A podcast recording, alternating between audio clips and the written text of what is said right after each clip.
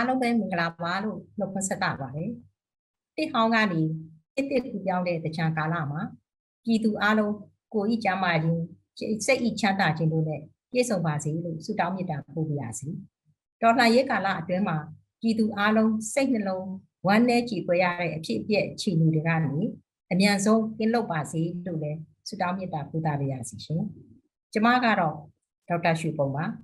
အမျိုးသားညီညွတ်ရေးအစိုးရ ကျန်းမာရေးဝန်ကြီးဌာနမှာဒုတိယဝန်ကြီးအနေနဲ့တာဝန်ယူဆောင်ရွက်နေပါတယ်စစ်ကောင်စီအာဏာသိမ်းတဲ့အတွက်တနိုင်ငံလုံးကပြည်သူတွေအားလုံးတောလှန်ဆန့်ကျင်ရင်းနဲ့အခုဧပြီလမှာဆိုရင်အမျိုးသားညီညွတ်ရေးအစိုးရ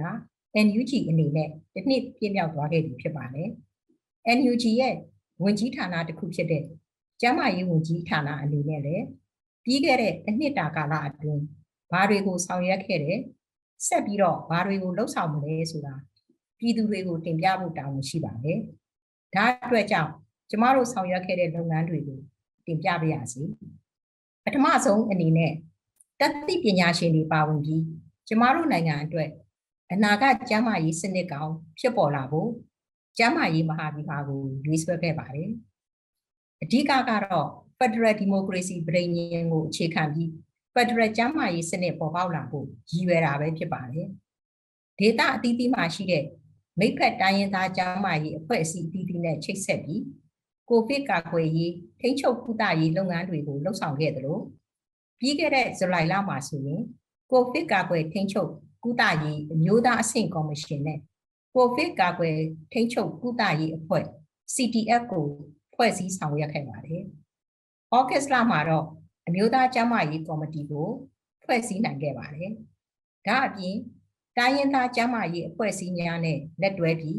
Federal ကျန်းမာရေးပညာရှင်များကောင်စီကိုပြီးခဲ့တဲ့ဒီဇင်ဘာလမှာဖွဲ့စည်းခဲ့ပါတယ်။ Federal ကျန်းမာရေးသိပ္ပံတက္ကသိုလ်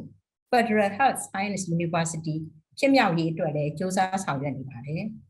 ။အခုဆိုရင် Interim University Council များနဲ့လက်တွဲပြီး ပုံမှန်တင် जा ရေးအစီအစဉ်တွေကိုစတင်နေပါတယ်။စာမေးပွဲတွေစစ်ဆေးပြီးဘွဲလက်မှတ်တွေတင်တန်းဆင်းလက်မှတ်ပေးအပ်တာတွေကိုလည်းလှုပ်ဆောင်နေပါတယ်။နိုင်ငံတကာအဖွဲ့အစည်းအသီးသီးနဲ့ချိတ်ဆက်ပြီးရန်ပုံငွေကြေးရရှိဖို့နဲ့ကုညီထောက်ပံ့မှုတွေရရှိဖို့လည်းစ조사ဆောင်ရွက်နေပါတယ်။လက်ရှိမှာလည်းကိုဗစ်ကာကွယ်ဆေးထိုးနိုင်ဖို့အတွက်တိုင်းရင်းသားကျန်းမာရေးအဖွဲ့အသီးသီးနဲ့ချိတ်ဆက်ပြီးကာကွယ်ဆေးထိုးတင်တန်းပေးတာတွေ pilot project လိုပုံစံမျိုးနဲ့လူ9000ကျော်ကိုနေဆက်ဒေတာတွေမှာကာကွယ်ဆေးထိုးပြီးတိုင်တာဖြစ်ပါတယ်။မကြခင်မှာလည်းပို့ပြီးတော့နေရာအများပြားမှာထိုးနှံနိုင်ဖို့စ조사စီစဉ်လျက်ရှိပါတယ်။ဒုတိယအနေနဲ့ကတော့ data အသီးသီးမှာရှိတဲ့ CDM ကျန်းမာရေးဝန်ထမ်းတွေကိုစုစည်းချိတ်ဆက်ပြီးတော်လှန်ရေးကာလအတွင်းမြေပြင် data အသီးသီးမှာလိုအပ်နေတဲ့ကျန်းမာရေးဆိုင်ရာအရေးပေါ်ကိစ္စတွေကိုဆောင်ရွက်ပါတယ်။ ချိတ်ဆက်မှုတွေပြင်ဆင်မှုတွေစုစည်းမှုတွေကိုအခက်အခဲမျိုးစုံကြားကဖန်ဆီးနှိပ်စက်တပ်ဖြတ်မှုတွေကြားကနေဒီနေ့အထိဆောင်ရွက်လျက်ရှိပါတယ်။အဲဒီလိုဆောင်ရွက်တဲ့နေရာမှာအထူးကုဆရာဝန်တွေဆရာဝန်တွေသူနာပြုတွေအခြေခံကျန်းမာရေးဝန်ထမ်းတွေကျန်းမာရေးစေတနာဝန်ထမ်းတွေစုစုပေါင်း3500ကျော်ကမြေပြင်ဒေသအသီးသီးမှာတာဝန်ထမ်းဆောင်နေကြပါတယ်။ကုသမှုပေးတဲ့နေရာမှာလဲ နေရာပေါင်း300ကျော်မှာတော်လှန်ရေးကာလအခြေအနေပေါ်မူတည်ပြီးတော့ယာယီရှေ့တန်းဆေးရုံတွေရွေ့တရားဆေးကမ်းတွေလိုပုံစံအမျိုးမျိုးနဲ့ဆောင်ရွက်နေပါတယ်ကျမတို့အနေနဲ့ on ground မှာကုသပေးနေတယ်လို့ online ကနေတဆင့်လဲဆေးပညာသင်ကြားရေးတွေသင်တန်းတွေကို အပတ်စဉ်လစဉ်လှုပ်ဆောင်နေပါတယ်။တယ်လီကျမ်းမာလို့အခမဲ့ online ဆေးကမ်းတွေကနေတဆင့်လူနာပေါင်း8000နီးပါးကို online ကနေကုသပေးနိုင်ခဲ့ပါတယ်။ Facebook လိုမျိုး social media တွေကနေတဆင့်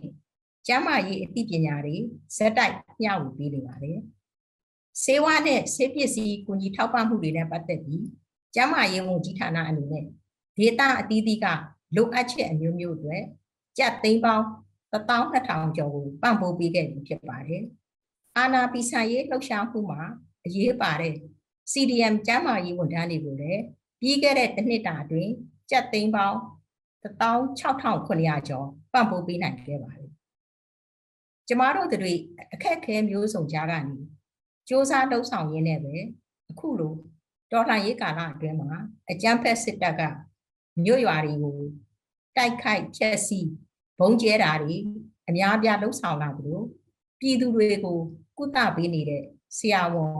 သူနာပြုတွေကို ဖမ်းဆီးနှိပ်စက်တပ်ဖြတ်ခဲ့ပါတယ်အရေးအတွက်နဲ့ပြောမယ်ဆိုရင်ကျမရေးဝန်တန်း35ဦးတပ်ဖြတ်ခံခဲ့ရပါတယ်ကျမရေးဝန်တန်း360ကျော်ကိုဖမ်းဆီးထောင်ချထားတယ်ဆိုတာကိုပြောပြချင်ပါတယ်ဒါတွေအပြင်ဆေးရုံဆေးကန်းတွေကိုမိရှုဖျက်ဆီးတာတွေဆေးဝါးတွေကိုဖမ်းဆီးချက်ဆီးတာတွေကိုလည်းအကြမ်းဖက်စစ်တပ်ကဆက်ပြီးလုပ်နေသေးပါကျမတို့အနေနဲ့ဒါတွေကို စည်ရင်တေးသေးချာချာပြုစုပြီးတရားမျှတမှုရရှိစေဖို့လှုပ်ဆောင်နေတယ်ဆိုတာကိုတင်ပြချင်ပါတယ်ကျမတို့အနေနဲ့ပြီးခဲ့တဲ့တစ်နှစ်တာအတွင်းမှာလှုပ်ဆောင်ခဲ့တာတွေအများပြားရှိခဲ့တယ်လို့ဆုံးရှုံးမှုတွေရတယ်မနှဲပါဘူးဒါပေမဲ့တော်လှန်ရေးကိုအောင်မြင်ပြီးဆုံးတဲ့အထိတော်လှန်ရေးရဲဘော်ရဲဘက်အများအားလုံးနဲ့လက်တွဲပြီးစ조사ဆောင်ရွက်သွားပါမယ်လို့အသိပေးတင်ပြချင်ပါတယ်အကြမ်းဖက်စစ်တပ်နဲ့ စစ်အာဏာရှင်စနစ်ပျက်စီးပြီးကျမတို့ပြည်သူအားလုံးယုံကြည်နေတဲ့ Federal Democracy ပြည်ထောင်စုကြီးပေါ်ပေါက်လာတော့မယ်ဆိုတာမဝေးတော့ဘူးမကြတော့ပါဘူးလို့တင်ပြရင်းနဲ့ညီကုန်းချုပ်ပြရစီအားလုံးကိုကျေးဇူးတင်ပါတယ်အရေးတော်ပုံအောင်ရမည်